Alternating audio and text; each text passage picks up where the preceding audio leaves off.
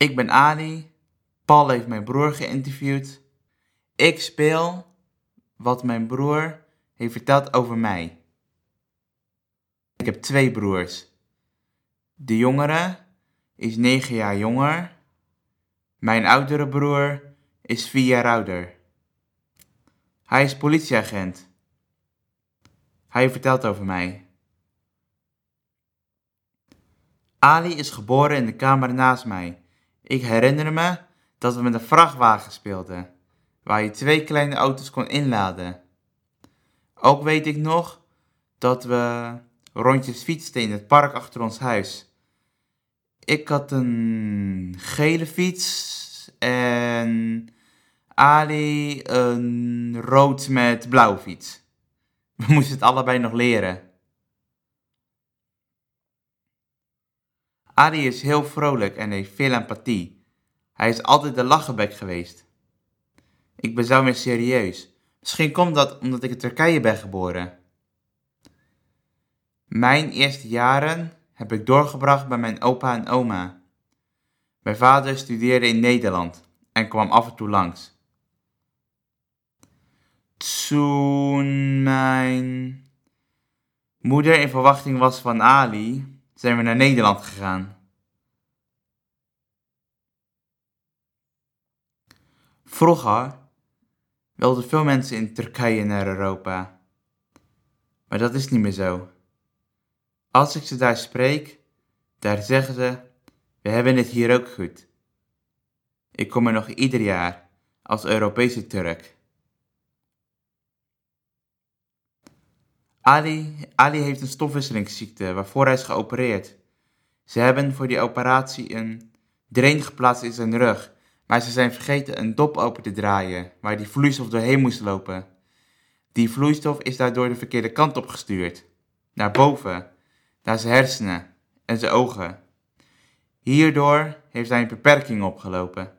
Zijn ogen zijn aangetast. Voor die tijd was hij niet slechtziend. Er zijn ook hersencellen beschadigd. Hij was een jaar of vijf. Ali is minder begaafd dan jij en ik. Hij heeft een verstandelijke beperking. Als je hem vraagt naar de periode voor de operatie, dan weet hij het niet meer. We waren heel kwaad op het ziekenhuis. Door een fout van de dokter is het leven van mijn broertje half ontnomen. Voor mijn ouders is het een trauma. Ik was me daar nog niet van bewust. Dat kwam later pas. Het zal altijd een pijnlijk, verdriet blijven. Ook voor mij. Pijn en verdriet voor mijn broertje, dat hij dit heeft moeten doorstaan. Dat hij zo vaak naar het ziekenhuis moest om geopereerd te worden, telkens weer. Het bleef niet alleen bij die ene operatie. We moesten zelfs naar een oogziekenhuis in Turkije. Maar zijn ogen zijn onherstelbaar beschadigd.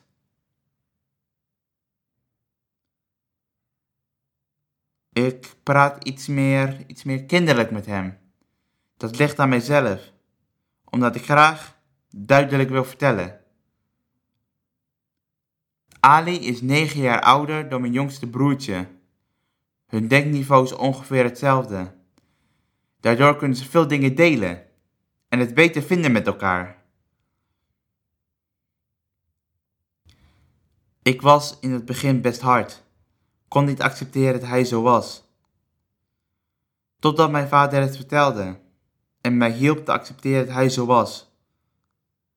Je broertje is visueel en verstandelijk beperkt. Hou daar rekening mee. Ik was net in mijn puberteit. Je denkt als puber dat je de beste bent, dat je alles beter weet. Je moet een identiteit vinden. Waarom is mijn broertje niet net als ik? Daar had ik moeite mee. Ik zou heel graag alles met hem doen, maar dat is dus beperkt. Natuurlijk ben ik aandacht tekort gekomen. Ik stelde eens vragen. Waarom deden jullie dan niet met mij?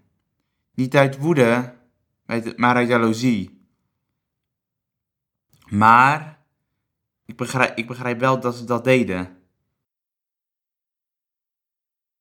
Het, het is niet dat ik dacht, mijn ouders houden niet van mij.